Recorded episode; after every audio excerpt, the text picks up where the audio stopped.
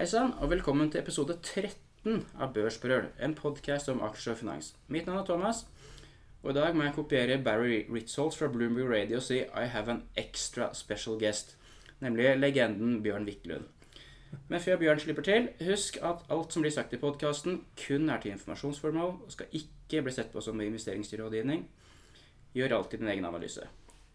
Velkommen, Bjørn. Virkelig stor takk for at du har lyst til å være med. Veldig hyggelig å bli spurt, og glad for å være her. Du, dette er første podkasten jeg har laget på en stund, så jeg høres kanskje nervøs ut, men det er jo fordi jeg sitter med deg kanskje aller mest, da. Men veldig kult at du kan bidra til det her som jeg håper kan bli et verdig comeback. Jeg tror de fleste, i hvert fall innen finans, har, har hørt om deg. Men du er likevel ikke den som kanskje er mest ute i media og mener ting om ditt og datt til enhver tid. Så det skal bli bra å bli litt bedre kjent med deg. Kanskje du kan begynne litt med bakgrunn, interesser, for hvem er Bjørn Wiklund? Ja, jeg er uh, Skrek og gru blitt 65 år. Shit. så, så det er en viss alder. Jeg har uh, jeg er siviløkonom og har tatt AFA-studier i sin tid. Uh, og jeg har vært, jobbet i, industrien. Jeg har jobbet som forvalter i 15 år, tror jeg det er. Og så har jeg vært privatinvestor og en slags profesjonelt styremedlem de siste ti årene. Fantastisk. Kanskje vi skal begynne på litt, litt vin? Det vet jeg er et stort interessefelt for deg. Ja. Og meg også, da. Men jeg, jeg bruker jo selvfølgelig strategien å, å gå på polet, finne de vinene som har høyest alkoholprosent, og kjøpe den nest billigste. Men så har du kanskje noe mer sofistikert tilnærming. Vi har jo drukket vin sammen før, men kanskje du vil fortelle litt mer om hvordan interessen oppsto, og hvordan du har levd det ut? Ja. Um, jeg uh, har jo hatt en interesse for vin siden tidlig 80-tall. Da jeg var på en vinsmaking som student. Og da fant jeg plutselig ut at vin var noe annet enn alkohol også. yes. ja. og, og, og, det var for meg en sånn helt ny verden og veldig fascinerende. Så da begynte jeg med den litt hva skal jeg si ambisiøse hobbyen som å samle på vin mens jeg var student. Det, det gikk ikke så veldig bra med økonomien, men jeg klarte i hvert fall å få kjøpt noen noen flasker, hvor den siste tror jeg jeg drakk i fjor. Jeg skulle til å spørre hvor, om du hadde noe med fra den tida. Nei, Men det var i Norge du var på vinkurs? Ja, det var faktisk en, det var en, eh, en dame som jobbet i Vinmonopolet, som, eh, som eh, hadde tatt uh, turen ens ærend til Kristiansand, hvor jeg studerte. Og, og eh, jeg tror hun var fra Kristiansand, så at det, var to fluer i smekk for henne. Men hun hadde i hvert fall med seg 20 forskjellige viner. Rødt og hvitt. Og det åpnet en ny verden for meg. Og så har jeg da etter hvert, liksom, som hun fikk bedre økonomi og, og enda større interesse, kjøpt altfor mye vin, så nå har jeg en altfor stor vinkjeller. Får du tatt unna noe da, eller blir det bare liggende som akkumuleres opp som investering? Ja, altså det Foreløpig har det jo vært uh, en fantastisk lukrativ investering òg, fordi uh, nå er jo både kvaliteten blitt veldig mye dyrere relativt sett, og ikke minst uh, nesten utilgjengelig for flere av de vinene som jeg tidligere kunne kjøpe kassevis av. uten å måtte ligge en uke, uke i, i kø i vinterkulda, som jeg ikke gjør for øvrig. Selger du vin engang? Jeg har solgt noe vin på, på Blomkvist fra tid til annen, men jeg er mer der hvor jeg har kjøpt dette som en interesse av å drikke det. Og så, så øh, da vil jeg heller drikke det sammen med venner og, og dele opplevelsene enn en, en, en bare få penger for det. For det er ikke det som har har vært øh, formålet med, med vinkjøp i det hele tatt. Nei. Hvordan utvikla det seg videre med vininteressen? Nei, altså jeg var så heldig å, å, å være eier av en vingård også i, i, Italia i syv år. Altså deleier. Jeg eide på slutten 40% av et vinhus som heter Nervi, som var i Gattinara i Piemonte i eh, Italia. Og det var en kjempelærerik og morsom eh, si, ei- eiertid. Eh, hvor vi eh, bygget opp noe som, vi, som ble solgt videre til antageligvis Italias mest kjente vinprodusent i 2018. Jeg var den eneste, Vi var tre nordmenn som eide det. Jeg var den eneste som ikke egentlig ville selge. Men, men jeg, hadde, jeg, hadde, faktisk forkjøpsrett. Men jeg hadde ikke nok penger til, til å og, og, mer enn akkurat benytte den. Og da måtte jeg kuttet ut uh, de av, som var investeringer, og blitt vinbonde på heltid. Og, og flyttet til Italia. Og det var ikke jeg så veldig interessert i, og jeg tror heller ikke min kone var spesielt interessert i det. Men det der er sikkert drømmen til mange, da, å bli vinbonde i Italia. Er det, er det sånn at man eh, på et vis setter det litt høyere enn det egentlig er? At det er mye slit, og man skal få avlinger som funker, og man skal få produksjon som er i orden, og, og distribusjonsavtaler og sånn. Er det mye mas, eller er det mest hygge? Eh, altså, jeg vil eh, eh, si det sånn at altså, det, er, ikke så vanskelig å lage god vin hvis du har god vinmark. Og god, god vinmark kan man få kjøpt hvis man bare betaler nok for det. Det er en helt annen ting å få solgt denne vinen for en pris som, som forsvarer den investeringen. Ja. Og distribusjon av vin er både vanskelig og veldig dyrt. Og det, og det tror jeg har med at konsumentene egentlig ikke forstår seg så godt på hva som er kvalitetsvin, og hva som ikke er det. Og i stor grad da kjøpe merkevarer. Og det å bygge opp en merkevare, det er veldig dyrt.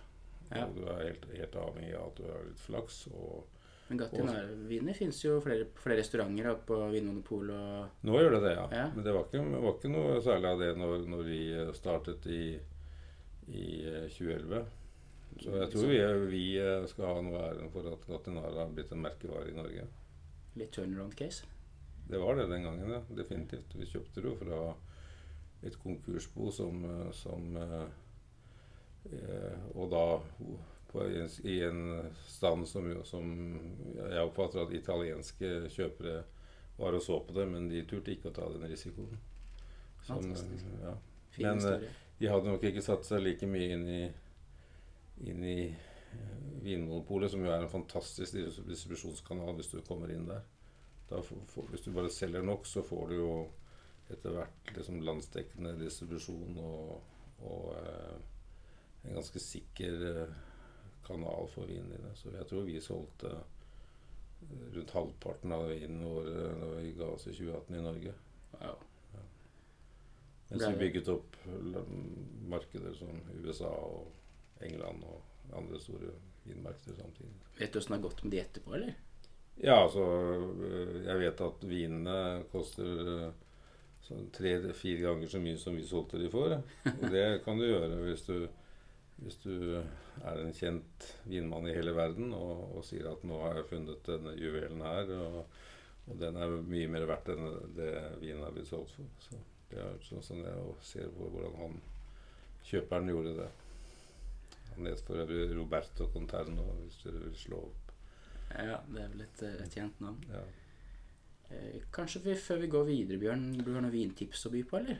Ja, altså, jeg er jo ikke helt ute av vinbransjen, da, for jeg har jo en del venner nede i um, Piemonte fortsatt. Ja. Og, og, og, jeg har alltid vært veldig glad i, i både rødvinene og, og rosévinene fra, fra, området i det nordlige Piemonte hvor Gatinara ligger. Så jeg har da en faktisk et person, Hva heter det? Personforetak, eller enkeltpersonsforetak heter det. Som, som eh, heter Ivini di Orso.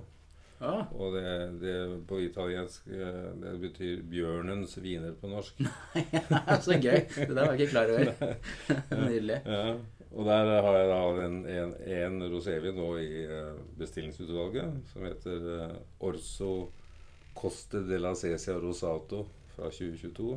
Og det må være mitt vintips til folk. Jeg skal prøve å få lagt inn det i eh, beskrivelsen av podkasten, så man kan gå inn og, og, kjøpe det. Passer veldig bra i den sommervarmen vi har her på, på Østlandet i hvert fall. Men det går også fint til, til mat som, som man kan spise i litt dårligere vær, som man har i, i Trøndelag og Nord-Norge for tiden. ja. Du, nesten Apropos kanskje Trøndelag. En av dine andre interesser er fiske. Ja. Både som hobby og investering. Kanskje skal gå gjennom det første først? Ja, laksefiske jeg har vel ikke investert i, selv om jeg har, jeg har et par ganger kikket på sånne, sånne landsdeler med lakserett og tenkte at det måtte vært bra. Men, men igjen, det, det, er, det er det der med å kjøpe det når man har, har tid til det og, og, og lyst til det også. Så, så jeg, jeg, jeg, det er vel stort sett nesten den eneste grunnen til at jeg av og til oppholder meg i Trøndelag. Og det må være at de har veldig mange gode lakseelver der. Så det er, det er liksom um, Ja, ved siden av vin kanskje min store pasjon. Det- Avkobling, eller er det alltid med venner, eller hvordan? Ja, men det går an å koble av med venner òg, da. Men Ja. selv om Nei, så det er, det er eh, altså vet ikke hvor mange millioner liter rennende vann jeg har stått og sett på. Og det er noe som er veldig, veldig i hvert fall avkoblende for meg òg, da. Og kan tenke mye både på aksjer og, og andre ting mens man står og, står og håper på at det skal være kjenning på, på flua. Ja. Fisker jo bare med flue, selvsagt. Ja, dette er jo da en podkast om aksjer og finans, så kanskje vi skal gå litt på eh, inn på det. Og vi har jo alle ulike investeringsfilosofier. Jeg har jo min som er veldig modellbasert, og du har jo kanskje litt flere parametere i, det- i det du gjør. Kanskje du kan både fortelle litt om hvordan du investerer, hvordan det har utviklet seg over tid, hva ser du på, eh, og ja, begynne der. Ja, jeg, eh, jeg drev en gang og, og, var egentlig ganske godt gang i å, med å etablere et eget hedgefond. Eh, Det var etter tiden i Det hadde vært, eh, vært i Eika.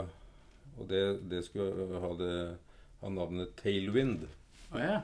Og det er liksom, tror jeg, ganske nært en veldig kjerne i min investeringsfilosofi. Altså sånn. Og jeg Altså når jeg er på eksempel ute og, og sykler på, og får motvind, så vet du hvor, hvor mye vanskeligere det blir å, å sykle eh, fort, i hvert fall. Sånn tror jeg det er litt i aksjemarkedet. Og at det er liksom eh, å stille seg foran tog som, som du håper eh, skal stoppe, eller å gripe en kniv som, som faller, og håpe at du skal unngå å skade deg, det, det har jeg sikkert gjort når jeg var yngre. Det, det, det har jeg gjort når jeg var yngre, men det, sånne ting har jeg liksom sluttet med. Det er lett, lettere å, å, å se på, på um, ting som, som, som hvor, hvor det er mange krefter som virker um, med et investeringscase, og, og, og da blir det lettere for disse, disse casene å tjene penger. Noen eksempler kan være altså I dagens renteklima så, så mener jeg f.eks. at finans, spesielt banker, med økende renter tjener mer eh, penger. Og sånn så det har lett, lettere konkurranse nå enn de hadde når, eh, når rentene var så, så lave som de var for et par år siden. Hvis rentene er høye allerede, da kan de kanskje heller bli lavere? Da Da går du tilbake igjen, eller? eh? Ja, altså jeg vil heller si det sånn at uh, hvis uh, eh, hvis, hvis, du får en rentenedgang, så, så vil det bli en motvind. Og, eller, og du kan også få motvind fra at renten blir for høy, og å, altså folk slutter å betale tilbake lånet eller ikke klarer å tilbake betale renter og sånn, og de får tap. Så man må jo følge med. Det er jo ikke noen permanent medvind eh, i noen bransjer. Det er jo alltid konkurranse og endringer i økonomien som, som, er, som endrer vindforholdene, så å si. Ja, for det er jo en, en veldig sånn kanskje makrodrevet bransje. Selv om noen banker helt sikkert er bedre enn andre, så er det jo eh, litt gitt at eh, de eksterne forholdene er litt, litt med deg. da, og Som du sier, så er det jo syklisk både på vei eh, opp og ned. Er, det mest makrofaktorer du ser på, eller ser du på andre ting? Mer sånn kanskje bransjespesifikke ting? Sånn der, man kan jo være Er du all in AI nå, f.eks., eller ser du litt annerledes på det? Her er vel mange spørsmål. eh, Ja, sorry. eh, eh, men altså makro og sånn top down er ganske viktig, syns jeg. da, For Ja. å forstå liksom hva som er, er de grunnleggende kreftene som, som, som virker i verdensøkonomien. Og eh, jeg Akkurat nå syns jeg det er veldig Den store diskusjonen er jo om, om, det, om de, verden skal gå inn i en resesjon eller ikke. Jeg har egentlig ikke noen formening om det, men jeg prøver å finne liksom, tegn på at uh, det, det skal skje, men ikke minst at, liksom, eh, at markedet skal, hvis markedet begynner å tro på det, så kan det bli en veldig sånn selvforsterkende effekt. Da, og da, da er jo erfaringene at da er det noen bransjer som, som blir mer rammet enn andre. Og også enkelte aksjestiler som rammes mer enn andre. Da, da skal man jo være ganske forsiktig med sykliske aksjer, f.eks. Hvis, hvis det skulle bli en resesjon. Men og akkurat nå så syns jeg det, det er uh, The jury is still out om hva som, hva som uh, skjer. Noen tror på soft landing, noen tror på resesjon. Og jeg tror egentlig ikke på, på, noe, jeg bare følger med. ja, ja. Men det er en veldig, veldig viktig faktor når jeg på en måte skal velge noen å og finne, finne, finne, Se på værmeldingen for å se hvor, hvor, hvor det blåser medvind, for å si det sånn. da. Ja, for vi var jo besøkte noen selskaper i Danmark i slutten av fjor sommer. Jeg møtte et selskap som Novo Nordisk. Ja. Jeg kan jo ikke se for meg så mange selskaper kan ha mer medvind enn de. Det er litt sånn uavhengig av om det blir resesjon eller ikke. Det. Ser du litt på sånne typer selskaper når liksom verden er usikker Ikke usikker på liksom Den er alltid usikker, da, men blir resesjon eller ikke? Det, dette jo, altså absolutt. Og, og, og Nordisk er jo et eksempel på et selskap som, hvor det er på en måte en slags uh, sekulær uh, trend, ikke, ikke, noe syklisk. Det er liksom uh, Inntil man finner en kur for, for diabetes og etter hvert nå obesity eller hva heter det, fedme, for godt norsk. Så, så, så, tror jeg det, det har enorme medvinder i å være såpass langt fremme og egentlig fortsatt vel markedsledende i begge de segmentene i, i verden. Dette er jo et eksempel på selskaper som, som, som da har en fantastisk vekst uh, år over år, og som, hvor, som, ikke er, etter min mening, er priset uh, som, uh, på, på altfor alt høye multipler.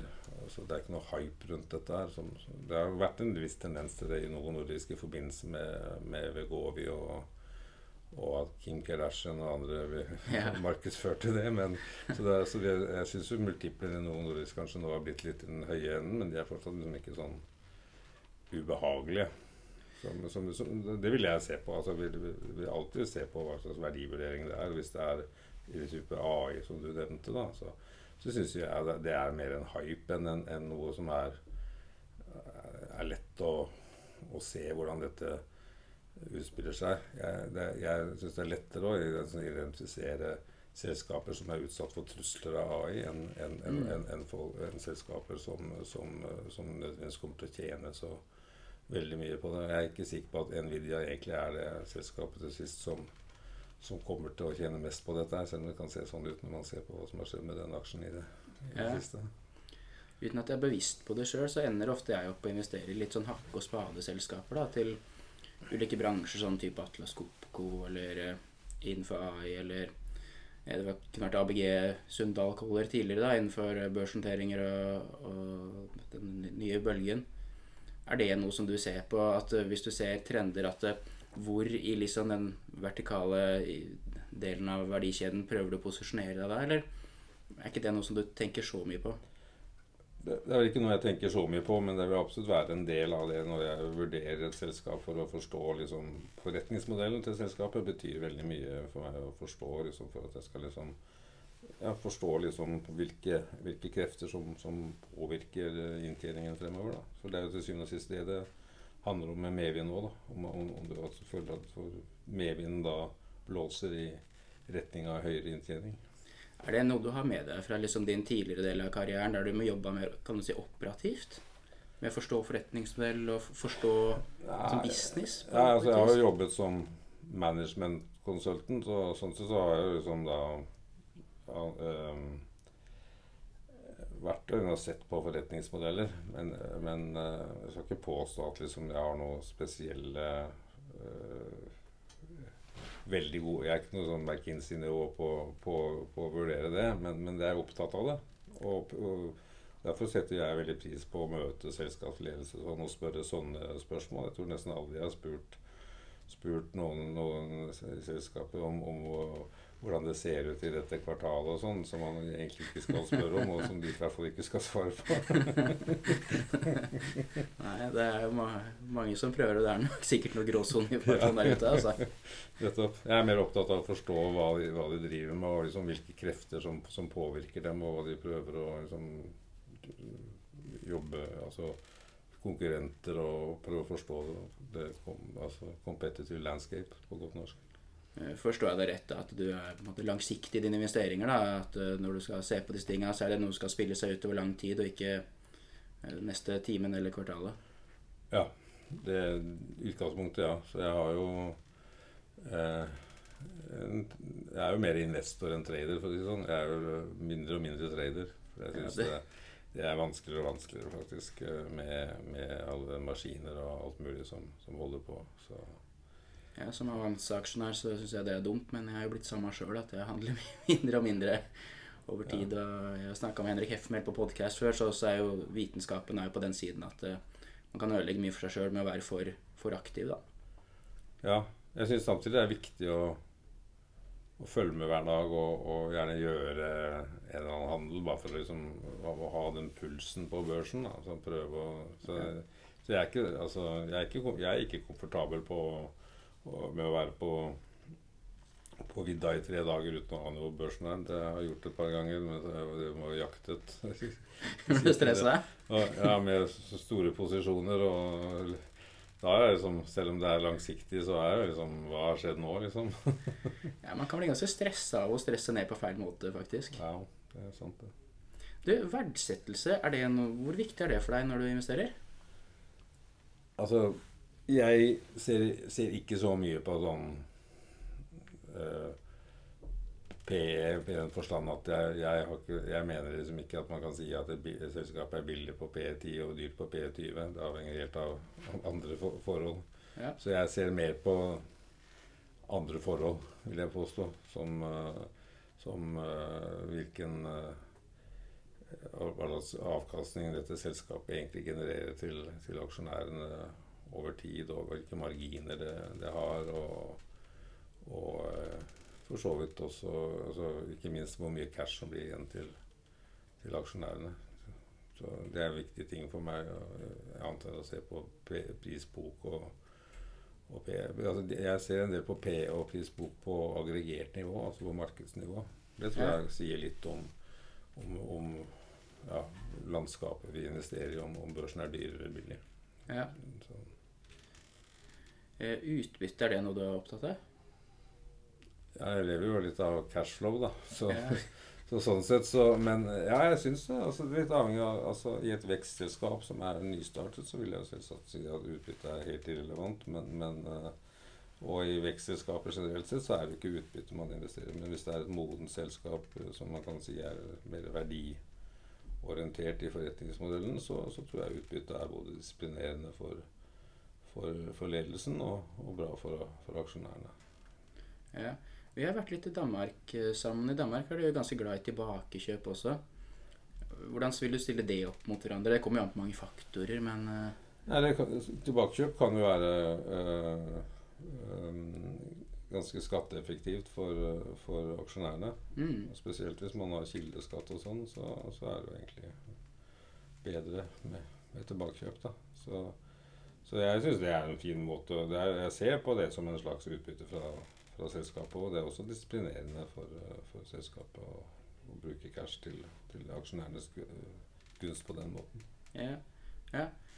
Jeg tenkte kanskje vi kunne gå inn på litt bransjer, men, men kanskje aller først eh, grave litt i åssen din investeringsfilosofi har utviklet seg over tid. Og du har jo vært da eh, Warren Wiklund, derav navnet også. Og eh, i Terra og jobba aktivt med, med fond. Eh, Følte du klarte å sette agendaen din der? Har det påvirka de du har møtt, hvordan du har utvikla deg gjennom tid, over tid? Og både syn på, på, på risiko og måter å se på selskapet på? Ja, altså Definitivt så har, har det jo på en måte endret seg, og det tror jeg det, har jo veldig mye med erfaring å gjøre.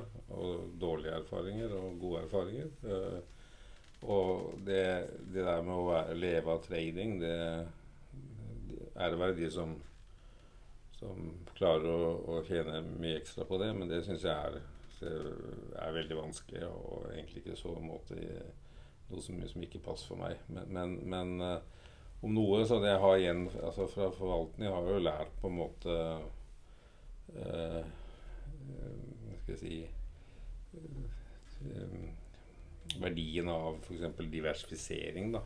Og det, mm. jeg, jeg ser jo Du har jo et fond som er mye mer, mye mer konsentrert uh, på selskaper enn en min portefølje. Jeg har jo jukset litt med å si at jeg har flere porteføljer, da, som gjør at jeg kan, kan, kan, forsvare å ha litt flere selskaper enn en man kanskje bør ha. Og, og det Utfordringen med det er jo å følge med på alle sammen. Men jeg har jo også en enorm erfaring med å Jeg tror jeg på det verste hadde jeg åtte fond som jeg forvaltet. Oi, oi, oi. Og da da måtte, måtte, man ha flere tanker i hodet samtidig. Og det tror jeg fortsatt jeg har bevart litt evnen til å ha.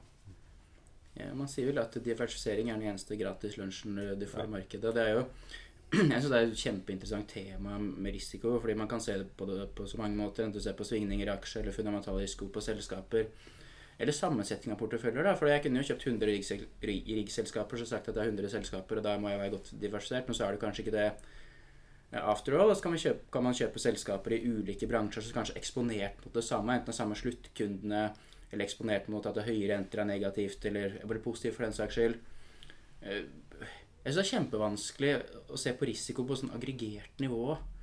Eh, skal man liksom kopiere indekssammensetningen, eller hvordan, hvordan, skal man tenke på det? Eller hvordan tenker du på det? vil jeg spørre om det. Altså jeg, Hvis jeg skulle eid indeksen, så ville jeg jo kjøpt et indeksfond, og ikke det med det. nei, nei, men Man kunne liksom valgt de, de beste innenfor hver bransje eller gjort noe sånt. da. Det er jo det man egentlig for så vidt forsøker, men, men jeg mener jo at man, man, trenger jo ikke eie alle bransjer på børsen. Men man bør jo absolutt definitivt eie mer enn én. Og, og, så er det jo dette er litt syklisk òg. Altså, eh, hvis, hvis verdensøkonomien vokser kraftig og vi har en vekstfase, så, så, så, skal man jo velge andre sektorer enn, enn, man skal gjøre hvis man tror at verden går i en resesjon. Det finnes jo ganske mye empiri på hvilke sektorer som gjør det bra og dårlig i, i, i sånne, sånne scenarioer. Problemet er jo å se når det går inn et nytt scenario. Nettopp. så jeg har distansert meg fra det, da, men for de som klarer å se det, så er det veldig bra å kunne være ja, men jeg, jeg tror man altså du trenger ikke å se i, i speilet for å oppleve at du, at du, er midt i et raging bull market, liksom. Det, det kan du bare gå ut på byen og, og se hvordan folk oppfører seg, opp si. men, men, eller i et bear market når blod flyter i gatene. Det, heldigvis for, for mange, mange, så har de jo ikke opplevd det, men jeg har i hvert fall vært gjennom tre perioder hvor, hvor det har vært skikkelig uvær og, og ja, nærmest blod i gatene. Så reft, reft krakke i i, i 87, eh, hvor, hvor, hvor, det var ned 20% på en dag. ikke sant? Får vi en sånn dag igjen en gang, tror du? Det kommer til å komme igjen, men jeg skal ikke si at uh, det skjer uh, skjer uh, At vi ligger an til, an til, det nå, på en måte. Jeg, jeg, ja, vi har jo hatt noen sånne flash crash. Uh, hvor maskiner eh, går, eh, går litt amok, og, og, det korrigerer seg fort inn. inn men eh, ja. altså Skjer det noe alvorlig, skulle det falle inn en komet i, i USA, så, og, og, så tror jeg da det kunne skje noe lignende. Ja. Så, men det skal, man skal ikke investere med det, det for øye, men man burde uansett liksom ikke konsentrere seg alltid i et land eller alltid i en bransje eller alltid i et selskap. eller veldig, veldig diversifisert, som du sa. Så der, der, ser jeg ofte litt på korrelasjoner mellom, mellom aksjer. da. Ja. Altså avkastningen på aksjer? Eh. Nei, rett og slett, ja. Hvordan kursen korrelerer. da. Ja. Det, det, sier litt om, om, hvordan investorene oppfatter det. Ja. Så Da kan du ofte se at for et oil service-selskap er veldig høyt korrelert med et oljeselskap. Ja. Så det, også det, det å på en måte spre seg liksom skal liksom bort fra olje og inn i oljeservice, det gir ikke noe særlig diversifiseringsgevinst. Nei, man kan alltid diskutere liksom, vil man ha forhandlingsmakt og sånn, men jeg er jo enig i at det, fra utsiden så ser det ut som det er en viss form for, for samme variasjon. Det er ganske høy korrelasjon, tror jeg. jeg tror ja. Den er opp på Sist gang jeg regnet på mellom eh, var det, det var TGS og, og Aker BP, sånn, så var det, det var på 08 eller noe sånt, som er ganske høy korrelasjon. Ja, det absolutt. Så, så, så, så det er eh, Det er viktig, viktig å liksom når man investerer og prøver liksom, å spre risikoen, rett og slett. Da, og være opp, skjønne, skjønne at man altså, Hva heter det? Ikke bør satse alt på en hest. Ja, men for som du nevnte litt i stad, altså nå står vi i en fase der kanskje blir resesjon, kanskje blir mild resesjon, kanskje vi unngår det. Jeg tenker at Det spiller liksom i rolle om vi er ned 0,2% eller opp 0,1, men at det blir en svakere økonomisk syklus er vel gitt. Og når jeg sier gitt, så betyr det at jeg egentlig ikke har peiling, men det er det alle sier, da. Hvordan prøver du Nå er det jo litt sånn ja, det er usikkert, som jeg sa, men hvordan prøver du å posisjonere deg nå og da? Du nevnte jo banker som kanskje kjenner på ett type utfall, og så er det Novo som vil liksom går liksom uavhengig. Og så er det diversifisering og sånn. Prøver du å liksom være litt, litt hard på at jeg tror litt på det, eller er det litt mer som du sa i stad, at du er usikker, og da prøver du å ha litt på flere hester og Nei, altså jeg, jeg, jeg har jo øh, Ved siden av diversifiseringen så, så driver jeg veldig mye med derivater. da. ja. Så, og det er en måte for meg å håndtere risiko på som, øh, som gjør at jeg for så vidt uh, sover bedre om natten. Og egentlig burde også kunne, reise tre dager på, på vidda, men det er likevel liksom Det er liksom dette med å se stikkeren er en slags drugs i det. Så, Ja. men, men, men, men så jeg akkurat nå så, så, så såkalt hedger jeg, eller sikrer jeg større andel av, av øh, aksjeporteføljen. Jeg driver stort sett bare med aksjer. Altså ved siden av at jeg er en del involvert i, i eiendom og, og shipping, sånn øh, med direkteinvesteringer. Men det er Ja. også for korri- korrelert med, med aksjemarkedet. da. Ja, ja. Så, så uh, for, nettopp fordi jeg er så usikker på liksom hvordan, så, så har jeg liksom velg, prøver å velge gode, gode selskaper som jeg tror på, som har de, de øh, egenskapene. Altså jeg har ingen problem med å si at jeg syns at uh, norske større oljeselskaper, enten det er uh, Equinor, Aker BP eller Vår, er, fremstår for meg som veldig, veldig billige og, og priset som om det blir en ganske kraftig resesjon i, i verden. Det er jo min vurdering av det. Og så, vil mange si at ja, ja, men de har jo ikke noe fremtid.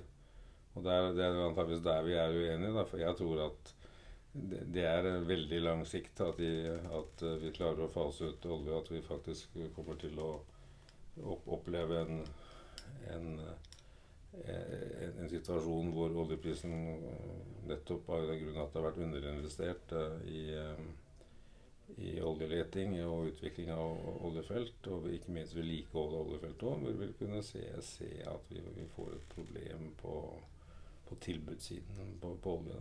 Det, Ja. det er jo som mange nordmenn som mener det, og mange i miljøbevegelsen som mener det motsatte, men jeg tror nå på det siste. Jeg føler i hvert fall uansett at når jeg kjøper en av de tre aksjene, så, så har jeg ganske gode eh, odds, altså god risk reward, på at eh, kan tjene penger. Altså, eh, vår felles eh, venn eh, Oddvar Bjørgan, som er, jobber i Carnegie, han skrev i går at, eh, at eh, Equinor er, han skrev den var dirt cheap. Og han, etter hans mening så, så skulle vi betale tilbake betale, betale tilbake dagens aksjekurs i løpet av fem år med utdelinger og tilbakekjøp. Ja nei, da blir det sikkert en god investering hvis det, Ja. hvis det blir tilfellet. Ja, og det er klart. Det som eh, eventuelt er, ville være problemet, var hvis oljepris og gasspris falt veldig fra dagens nivå. Og det vil det kunne gjøre hvis vi får en resesjon i verden. Så det må man på en måte uh, ta høyde for. Men jeg føler at fortsatt da, liksom at det er veldig mye av det som allerede er priset inn. Da. Et eksempel på hvordan det da spiller temaer mot, mot, uh, mot prising. Da. Ja. Du er innom fornybar. Er det noe du har sett på eller ser på? Ja, hvem, var det, hvem var det som ikke så på det for to år siden? Nei, altså jeg er eh, litt involvert fortsatt, men det felles med sånne hyper er at eh, som det var jo Alle vil være enige i ettertid, jeg tror jeg, at det, det var en ganske stor hype da. Og og det det var så lett for, eh, for både din favoritt ABG og andre å, utstede Eller å forestå utstilling av masse nye aksjer i, i veldig umodne selskaper til veldig høye priser, så, så må det sies å ha vært en hype. da. Jeg, jeg, tror fortsatt at fornybar er kommet for å bli, men jeg syns det er fortsatt veldig us usikkert hva som er de, de forretningsmodellene som virkelig kommer til å å fungere. Altså blir, det, blir, hydrogen en greie eller ikke? Jeg, jeg vet ikke. Jeg, jeg, tror at det får en viss rolle, men, men uh, uh, det, er, er, sikkert mange som kan mye mer om det enn meg, men jeg tror ingen vet svaret egentlig. Nei, jeg kan jo ingenting om, om det der, eh, ja. som så mye annet. Men et selskap som jeg har investert i, er jo Atlas Copco. De, de er en underleverandør til mye sånn carbon capture Eh, til eh, de fabrikkene som lager elbilmotorer. Eh, også at LNG-terminalen er ikke LNG fornybart, da, men, men, en del av energipolitikken eller energimarkedet. Men jeg syns det er kjempevanskelig å, å forstå liksom, hvordan det der kommer til å spille, spille seg ut. Det, det som som taler for det investeringscaset, er at det som jeg helt, tror er helt sikkert, med liksom de skattepakkene som, som, nå kommer i USA, denne IRA, så, og, og, også det som Europa kommer til å gjøre som svar på det, gjør jo at investeringene i fornybart, enten, eh, som kan være feilinvesteringer eller satsing på feil hest, liksom, kommer til å bli veldig høye i, i, de neste årene. Så hvis du da som leverer noe av, av grunnlaget for andres feilinvesteringer, så kan det være en god, eh, god uh, forretningsmodell. Ja, nei, jeg tenker det ofte er det beste. Da ja, så ja. spiller man på, på dis på flere hester, og man tjener penger på at kanskje det som blir rett, og det som ikke blir rett også. da, at det... Du, du, du, var egentlig ikke avhengig når hvis du solgte spader til gullgraverne, at de fant gull. Det var, det var bare avhengig av at det var nok folk som trodde at de kunne finne gull. Ja, ja. ja. Nei, man må kalle en spade for en spade. Ja. Uh, skal vi snakke litt om shipping? Uh, hvordan er du involvert der? Dette er jo også noe som er i aller høyeste grad syklisk, og, og mange ulike nisjer av det. Ja, altså Bortsett fra at vi nå sitter i, i eh, lokalene til verdens største skipsmeglerforetak. ja. Hvor jeg har en rolle som, i et av datterselskapene som styreformann i det som heter Project Finance Shipping. Ja. Hvor vi legger ut um, Syndikater? Shipping-syndikater, mm. eller på, på gammelnorsk KS-andeler ja, ja. I, skip. I, i skip. Eh, så, så, så, jeg jobber jo sammen med, til daglig i lokaler hvor det er veldig mye shippingfolk. Men, men det, det, som er med, med, shipping, er jo at eh, akkurat som med olje og gass, så er det jo ganske stor usikkerhet om, om hvordan, hva fremtiden bringer. Jeg så, så, så akkurat et intervju nå på eh, Hegnar TV med Jaran Rystad, hvor han mente at om, om 40 år så var 40% av shippingbehovet borte, fordi da hadde de sluttet å frakte olje og gass og sånn. Men det er 40 år til. Det skal skje mye rart uh, før det. Men det som faktisk er situasjonen i shipping, er at er, denne usikkerheten den slår ut i veldig uh, lite nykontraheringer av skip i veldig mange av segmentene. Altså Det har vært kontrollert enormt mange containerskip og LNG-skip. Men uh, For der har man på en måte ja, ja, i hvert fall når LNG, så bruker man LNG av lasten når man driver det. Men et, et tankskip, eh, om det skal gå i fremtiden på LNG, om det skal gå på ammoniakk eller hydrogen eller vind eller hva det måtte være, Seil, mener du? Ja, det er jo noen som mener at, at vi skal tilbake til seilskutetiden. det er fornybar, det. Ja, det er jo det.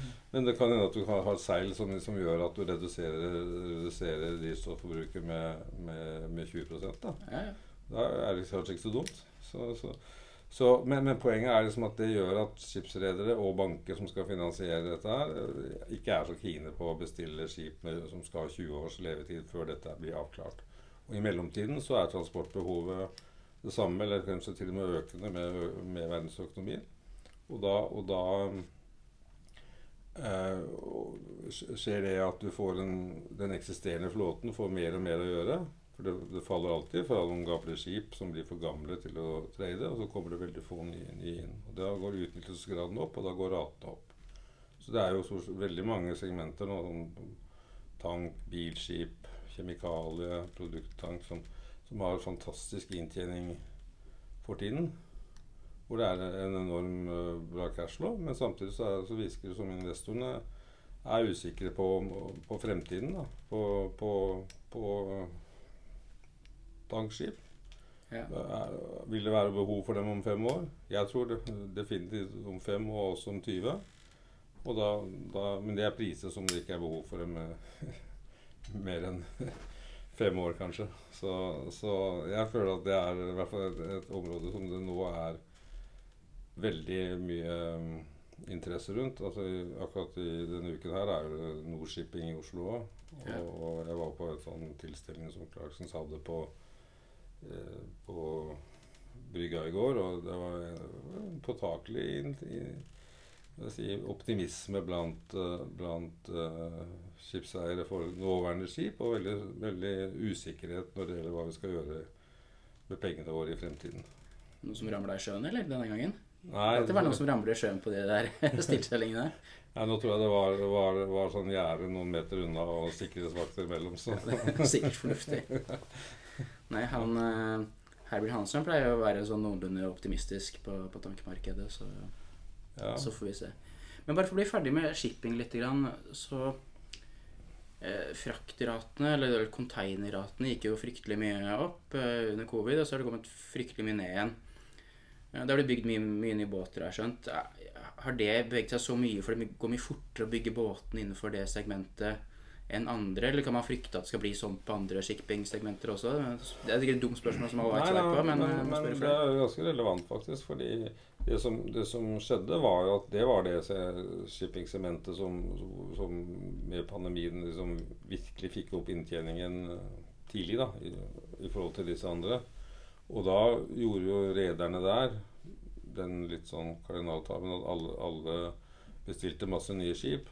Men, men det de gjorde, var jo samtidig å ta opp alle beddingene for slik at det ikke var mu- plass til verken tankskip eller, eller store bulkskip. Så ver- verftskapasiteten i, i verden er jo bygget voldsomt ned eh, de siste eh, årene. Og det gjør at altså, nybyggingskapasiteten eh, er, er eh, kanskje det på en tredjedel av hva den var eh, under forrige boom, da, sånn på, for eh, ja, 10-14 år, 14-10 år siden. Da. Ja. Så, så, så det gjør at det er faktisk, altså selv om du har lyst til å bygge et nytt tankskip nå, så tror jeg ikke du får det hvis du skal ha det levert fra Korea. Så, så sa de i går at da må du vente til 2027 før du kan få det. På bare de derfra, ja. Mm. Og ehm, så det gjør at liksom, det, det, det, er, det er Selv om det tar kanskje eh, ikke mer enn eh, 18 måneder eh, minimum da, for å bygge et, et stort tankskip, så, så, så, så får du ikke gjort det før det. Og, og så har du problemet med at du kanskje ikke får bankene med på det som er nevnt i pga. dette med, med, med usikkerheten om, om verdien av dette skipet om ti år. Da. ja. Du nevnte blod i gaten i stad. Da kom jeg umiddelbart til å tenke på eiendom. Ja. Hva er ditt syn på eiendom, og kanskje eiendomsaksjer nå? Nå skal jeg være forsiktig med, med å sitte med en eiendomsforvalter Nei, her du som skal ikke være forsiktig. Du Være nådeløs. Nei da, men eh, det altså, eiendom hadde jo tidenes medvind, kan du si, med rentefallet som var fra, fra ja, begynnelsen av 90-tallet til uh, 2019 var jo en eneste lang sånn nedadgående trend Ja. på renten. Og, og så har vi øh, fått en ganske kraftig renteoppgang øh, hvor sentralbankene rundt omkring har vel satt opp rentene hurtigere enn de normalt har gjort. øh, I hvert fall i, så vidt jeg kan huske i min levetid. Og nå har vi kanskje kommet til et som det jeg tror er litt høyere enn et normalt langsiktig rentenivå. Men, men vi, det er ikke noe tvil om at vi kom fra unormalt lave rentenivåer når det var sentralbanken i Sverige hadde negative renter, og ikke bare der, men også i, i hele Europa. Og, og Fed var vel nede på null, øh, null så vidt jeg husker de òg. Så, så men, men, og, det du har å si for eh, eiendom, er jo at den såkalte yielden, da, som, som er liksom hvor mye du hvilken avkastning du får årlig på, av leie på, på, på eiendommen, uh, den uh, er uh, ikke så På gamle eiendomsverdier så, så, så er ikke den så spe spesielt konkurransedyktig mot det du får i, i obligasjoner, f.eks. Så da presser jo det gilden opp, og, det, og, og det, det gilden går opp ved at eiendomsverdiene blir tatt ned. Altså Eiendom er mindre konkurransedyktig i forhold til, til, til, til eh, obligasjoner, og for så vidt en del aksjer, aksjer uh, med et høyere rentenivå. Da. Og så, så det er jo ikke, i, I Norge er det jo fortsatt ganske contain, selv om det, det, det er nok uh, en del urealiserte tap rundt omkring i norske eiendomsporteføljer òg. Men det kan bare se over til Sverige, som er vel også det markedet hvor du har operert mest. Ja. Og, og, for det er der det stort sett de børsnoterte eiendomsselskapene har vært. Vi har jo ikke så mange børsnoterte eiendomsselskaper i, i Norge. Vi har noen, men, men, um, men uh, der er, er det noen som som eh, begynner å føle at at blodet begynte å flyte litt i gatene. Det er i hvert fall noen, noen konsernsjefer som, som, skifter jobb, og, og mange emisjoner og, mye skriving om, om konkurser, potensielle konkurser osv. Så sånn, så vi får se. Ja, vi snakka litt om sykluser i stad. Det eneste jeg kan si er at vi er, vi er ikke på topp, i hvert fall.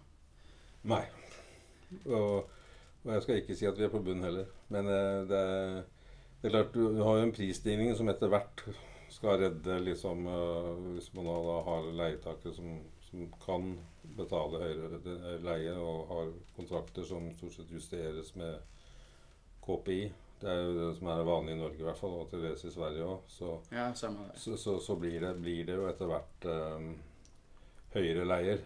Men den smellen på, på IL, den får du med en gang. og og, og, gjør, og, samtidig er jo bankene faktisk De ser at det kommer så mye etterspørsel etter refinansiering, for folk ikke har råd til å ta disse obligasjonslånene som, som tilbys. Og, så bankene kan velge på øverste hylle og, og priser samtidig opp, opp uh, hva det koster å, å låne penger uh, av dem til, til commercial property eller, eller forretningseiendom. Jeg hører nye selskaper får jo ikke, får ikke finansiering. Nei. Så jeg tenker at det er jo litt sånn klassisk syklus. da Der eh, de som står igjen og står igjennom, kommer til å stå styrka når den syklusen på et eller annet tidspunkt snur. da, Enten det er rentene eller igangsettingstakt eller, uh, eller, hva det er som ja. Der du får et, en, en, likevekt som går andre veien igjen. Ja. Så når det gjelder eiendomsaksjer, så er i hvert fall jeg da den oppfatning at liksom det, det, det er for tidlig å å, å bruke cashen, men jeg tror man eh, vil se tidsnok når du snur. Og det er mye bedre å kjøpe eh, 10 eh, altså etter at det har gått opp 10 enn, enn å satse på at det snur nå og erfare at det halverer seg igjen. Ja, nå skal ikke jeg sitte og være en talsmann for, for det, men sånn på generell basis da, så tror jeg det er veldig vanskelig å kjøpe etter det har gått opp 10% og så Da føler man at man ligger litt på etterskudd, og så venter man på en ny dipp. Og så det der jeg merker det gjennom sånn Sjøl også gjennom covid og sånn. Det, det, er mye lettere, syns jeg, da, å kjøpe litt på vei ned. Når det snur, så føler jeg at det liksom, nå, nå, da blir jeg stressa og vil liksom vente litt, da. Men, ja. Eh, det er, Men hvis du da forstår altså at, det, at det er sånn de underliggende kreftene som har snudd, da, da, da er det jo tryggere å gjøre en, en sånn investering selv om det har gått opp 10 da. Men hvis det bare er en såkalt teknisk reaksjon, eller at liksom det gikk litt fort ned, så er jeg helt enig. Da skal man så, Men det, det er min erfaring er at det er lettere å identifisere en bunn når den er reell, eh, og selvsagt i ettertid. Eh, men, men, og da føle at man har, nå skulle jeg gjort det med mye bedre odds enn jeg, enn jeg har gjort det før. Altså, det er jo ingen som, som, som treffer bunnen annet enn med flaks. Det er ingen som vet når bunnen, bunnen eh, er. Men uh, du kan, hvis du kjøper på vei opp, og, du, og trenden og de underliggende driverne har snudd, så kan du gjøre ganske gode investeringer 10% opp. Jeg er jo enig. Ditt, ditt uh, tidligere navn holdt jeg på å si Tailwind på fondet Ja. du tenkte på, var jo, funker jo bra inn i, i den settingen. Det så, ja. Skal vi snakke litt om laks, Bjørn? Vi snakka litt om fiske. Eh, Det skjer jo mye der, både på, på laks på land og valuta og eh, andre ting. Hva, hva tenker vi rundt det markedet om dagen? Nei, nå er jo Hva skal jeg si Mye av den kortsiktige politiske usikkerheten er jo borte, da. Eh, men jeg tror fortsatt at uh, det både er uh, altså Min følelse er at de fleste større lakseselskapene de er veldig skuffet over det som har skjedd på lakseskattsiden, og, og revurderer sine investeringsplaner. Og, og, og at de, Norges posisjon som, som, som ledende oppdrettsnasjon kan være litt sånn truet. Det, det, er, det er den sånn generelle betraktningen som jeg, jeg får følelsen av når jeg møter disse selskapene. Og I tillegg så, så tror jeg jo at tilliten til, eh, til å investere i, i denne bransjen eh, eh, fra utlendingers side er litt begrenset når finansministeren står på Stortingets talerstol og sier at uh, på den måten kan vi sende mer penger til eh, norske kommuner og mindre penger til Kypros og, og, eh, og Japan, tror jeg det var han sa. Og det, det er jo et signal i det at eh, man, man må forventes å behandle, bli behandlet dårlig som, som utlending når man, når man eh, investerer i Norge med nåværende regjering. Så skal vi ikke snakke noe mer politikk, men, men jeg har jo alltid ment at dette har vært en fantastisk suksess for, uh, i, i Norge. Og at oppdrett uh, er en veldig fremtidsrettet bransje som har hatt sine miljøutfordringer, men som har jobbet hardt for å, for å lø, løse det. Og så, har det vært en fantastisk uh, eventyr på investeringssiden de siste ti årene. Etter at liksom de fikk litt kontroll på, på, tilbudet og, og biologien, eh, som er vel kanskje de to viktigste. Ja, Faktor. det er en fantastisk eh, utvikling det har vært. Ja. Og så, så er det jo miljømessig eh, et press for å kanskje gjøre dette eh, mer på land. Altså så, så lenge man liksom har dette problemet som er Altså Størst problem i laksebransjen er vel antakeligvis lakselus.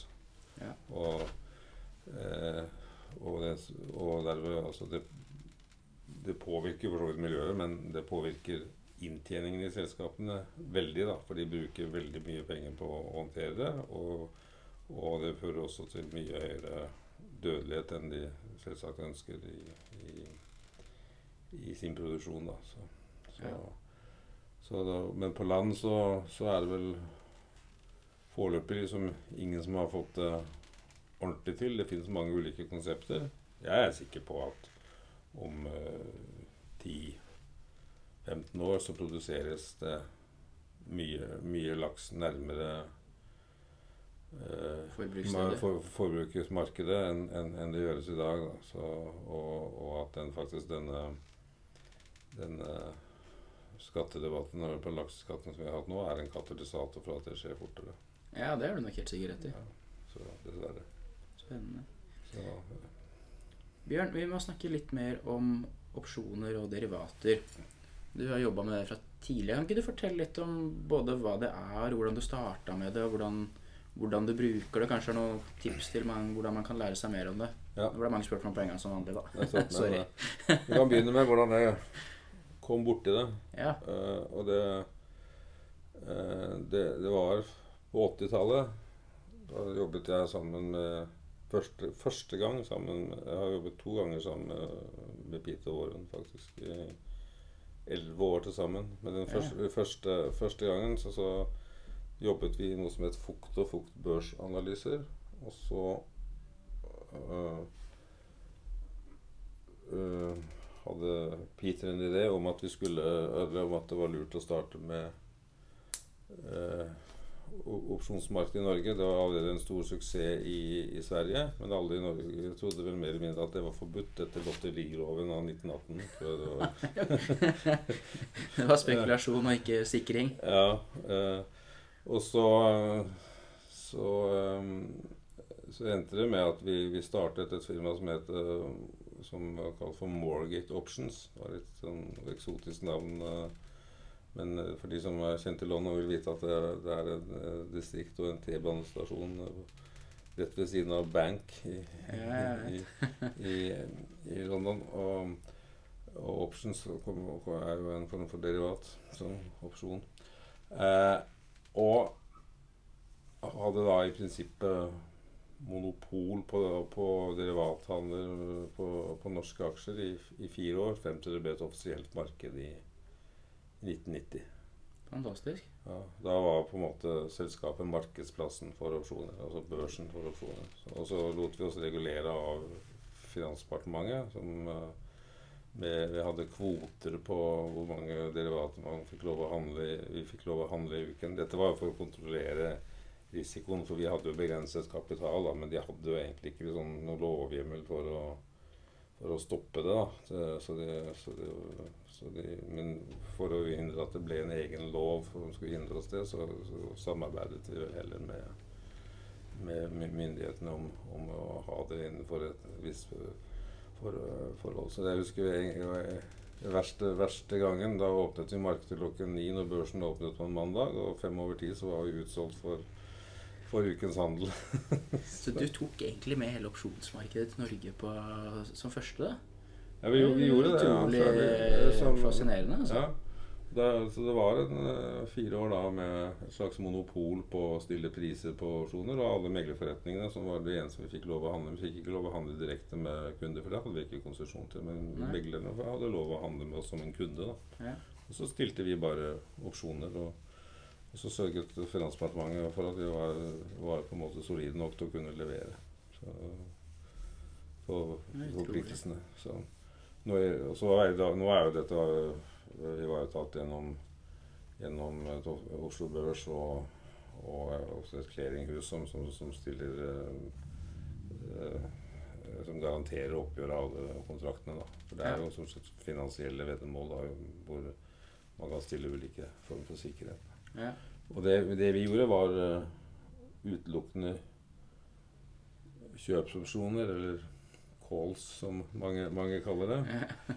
Med, med, dekning i aksjer eller i andre kjøpsopsjoner. Da. Det var det vi hadde lov til å gjøre. Så, så fins det jo altså, Kjøpsopsjoner det er rettigheten til å kjøpe en aksje på en gitt kurs. Eh, enten på, på, et gitt tidspunkt eller, eller innen et gitt tidspunkt. Ja.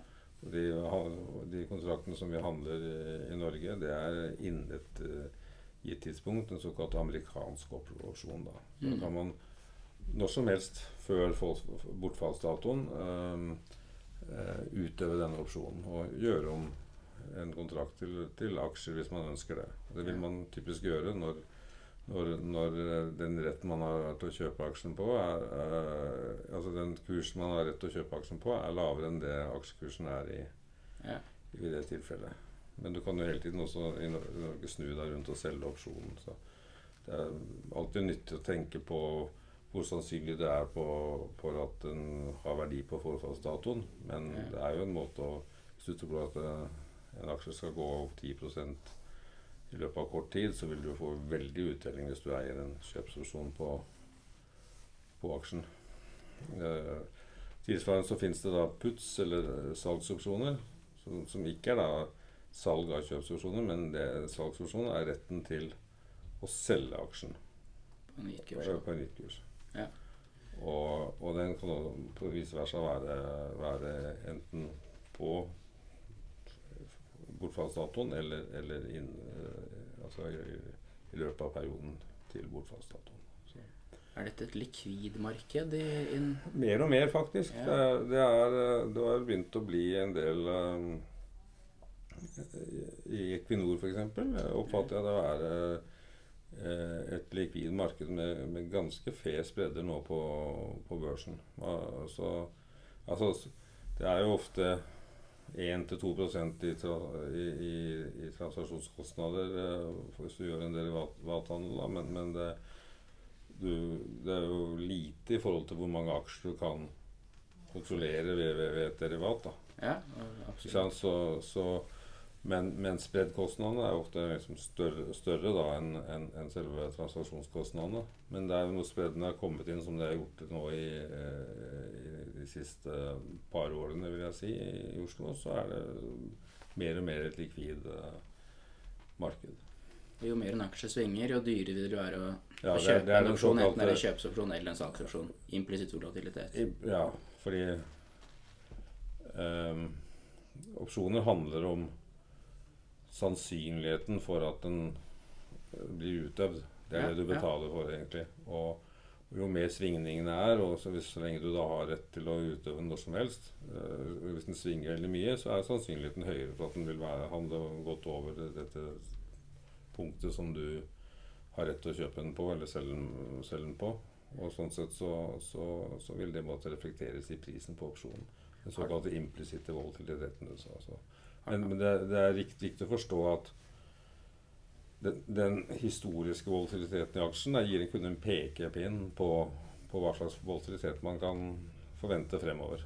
Det kan være helt andre faktorer som Altså hvis, hvis, hvis noen tror at liksom, selskap X er et, er et uh, target for et oppkjøp, så, så ville man kunne forsvare veldig liksom, å eie en kjøpsposisjon på den aksjen. Uh, selv, og det, det kan være et selskap som har en veldig lav historisk volatilitet. Altså. Ja, f.eks. hvis det er et OPEC-møte, så vil en kort eh, opsjon på, stat, eller på Equinor være dyrere enn hvis det ikke er rett før en et OPEC-møte. Ja, man skulle tro det, men, eh, men, det var jo egentlig ikke sånn Nei, forrige okay. uke. da. Det var egentlig litt rart. Altså, jeg gjorde litt, faktisk, opererer gjorde et par operasjoner i ja. Equinor-opsjoner av den grunn. Så. Ja. Men Syns du at uh, den implisitte volatiliteten på opsjoner er er fair, eller syns du opsjoner generelt er for dyrt eller for billig relativt til hvordan du oppfatter det, eller, eller er det fair? Hvis du skjønte Ja, jeg skjønner spørsmålet. Og mer og mer fair, vil jeg si. Altså, jeg tror at da vi hadde monopol på det, så var generelt sett opsjoner en mangelvare. Og derved var den implisitte volatiliteten uh, stort sett kanskje for, for høy. Ja. Uh, uh, men nå oppfatter jeg egentlig at folk ofte selger opsjoner kanskje for billig. Dette, altså hvis, hvis du, det er mange som, som, som, snakker om den såkalte VIX-indeksen i, uh, i, USA. Mm. Som, som, som, egentlig måler forventet uh, volatilitet fremover i, i SMP. Altså den amerikanske brede, nokså brede SMP 500-indeksen. Og den, den, er jo nesten nå nede på, på, Jeg tror den er lavere enn den har vært siden før pandemien. Ja, nå. Ja. Akkurat i disse dager. Den tyder jo da på at kroner kanskje er i ferd med å bli for billig, tenker jeg, da. Ja.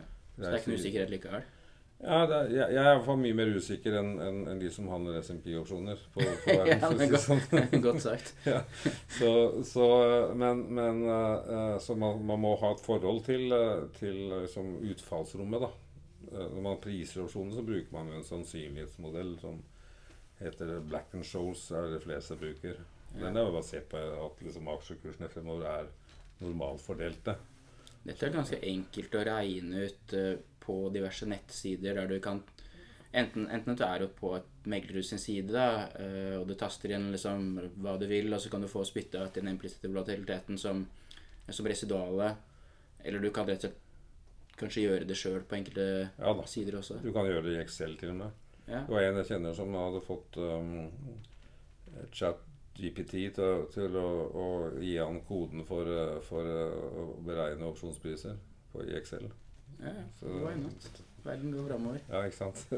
så det, det, kan man også gjøre. Men, men, men, men uh, uh, Det er jo et litt mer komplisert uh, område. Men det kan jo, liksom, som i mitt tilfelle, så bruker jeg det i veldig stor grad til å, til å tilpasse risiko. Og, og, akkurat nå som jeg er mer usikker på markedet enn jeg har vært på lenge, så, så har jeg fjernet mye markedsrisiko gjennom at jeg selger eh, futures på, på indeksen. Og da selger jeg bare på OBX da, så selger jeg bare eh, x antall millioner med, med, med, med OBX-indeks, som er da liksom så og så mange Statoil, så og så mange DNB, som er de to største aksjene i, i OBX-indeksen. Altså. Hvis man vil ha vektingen av det, så kan man, det kan man finne på Oslo Børs sine sider. da. Det er 25, de 25 mest likvide aksjene. Det byttes ut eh, to ganger i året hvilke, hvilke aksjer som skal være der. Det, det er basert på liksom, likviditet og øh, ja, nesten utelukkende tror jeg, ut- likviditet. Ja, og indeksopsjoner er såpass likvide at det er Future-markedet er veldig, Ja, ja. veldig, veldig likvid. eh, Så det, der er det ganske rimelig å handle. Altså det, gjennom Future så koster det 100 kroner å, å selge, selge aksjer for en million, liksom. høres Så- farlig ut.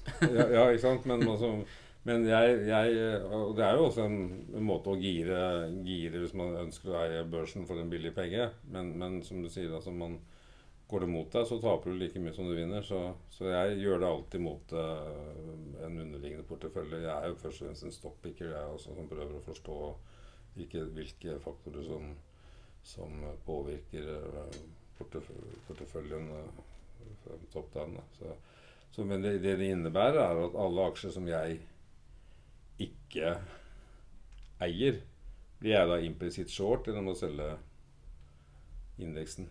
Ja. Jeg eier f.eks. ingen aksjer i Hydro, Nei. og så har jeg solgt indeks for eh, x antall millioner. Og Hydros andel av den indeksen er vel en ja, Sist jeg sjekket, sånn 6-7% tror jeg.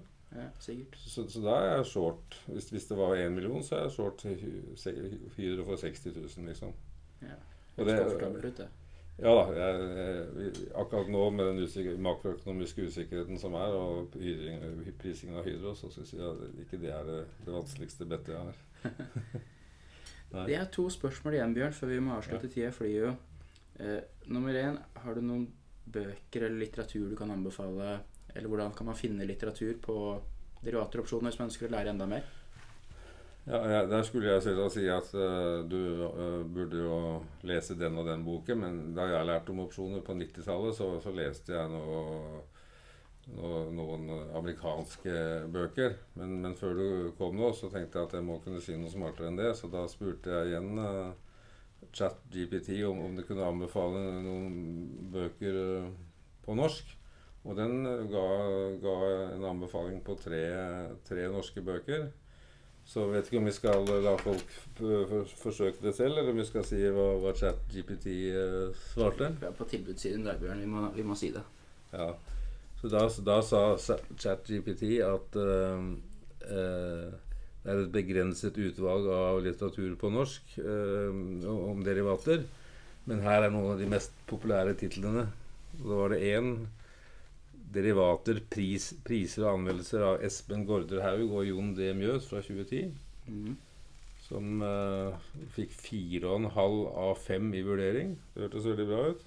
Absolutt. Det er, Det er ikke min vurdering. det er som sagt, Jeg har ikke lest boken. Jeg, jeg har ikke oppdatert meg faglig siden, eh, siden 90-tallet på opsjoner, men eh, mer gjennom praksis.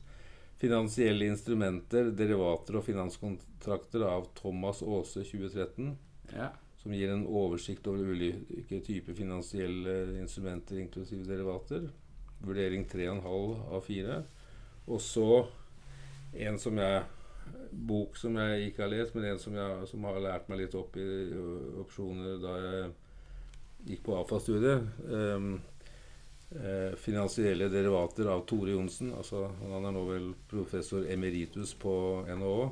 ja, det har vel hørt om han, tror jeg. Ja. Eh, eldre bok om finansielle derivater, men inneholder fortsatt mye relevant informasjon.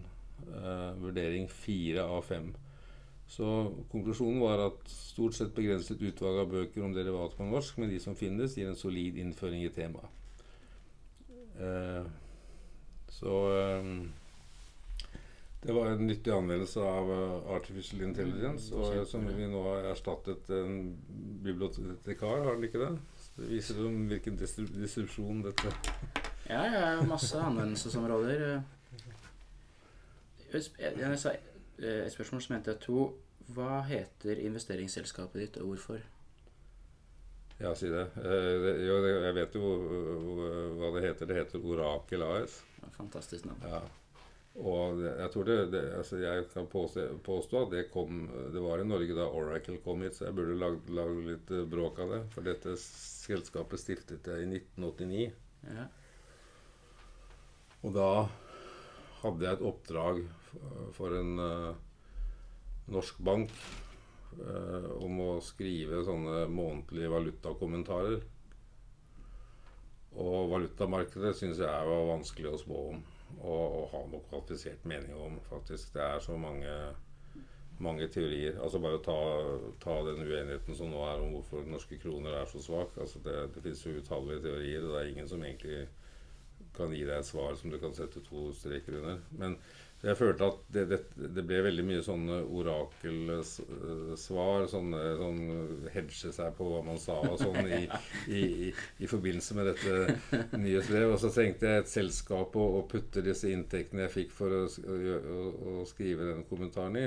Så, så da hadde jeg et uh, aksjeselskap som, jeg, som jeg stiftet. Det var, en, det var en som sa til meg at det, det er lett å stifte et aksjeselskap, men det, det vanskeligste er å finne navnet.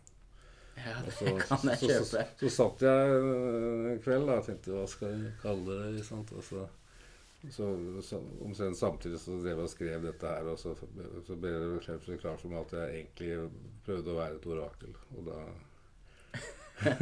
Helt nydelig. Helt til slutt før vi avslutter, Bjørn. Tre aksjetips. Ja, da må Kjapt og vi, gæli. da må vi si øh, Jeg øh, må ha et shippingselskap. Og da er det et selskap som som jeg har investert en god del penger i, bare som disclaimer, som heter Klavenes Combination Carriers. Aha. Som er, etter mitt skjønn, kanskje det mest miljøvennlige shippingselskapet i verden.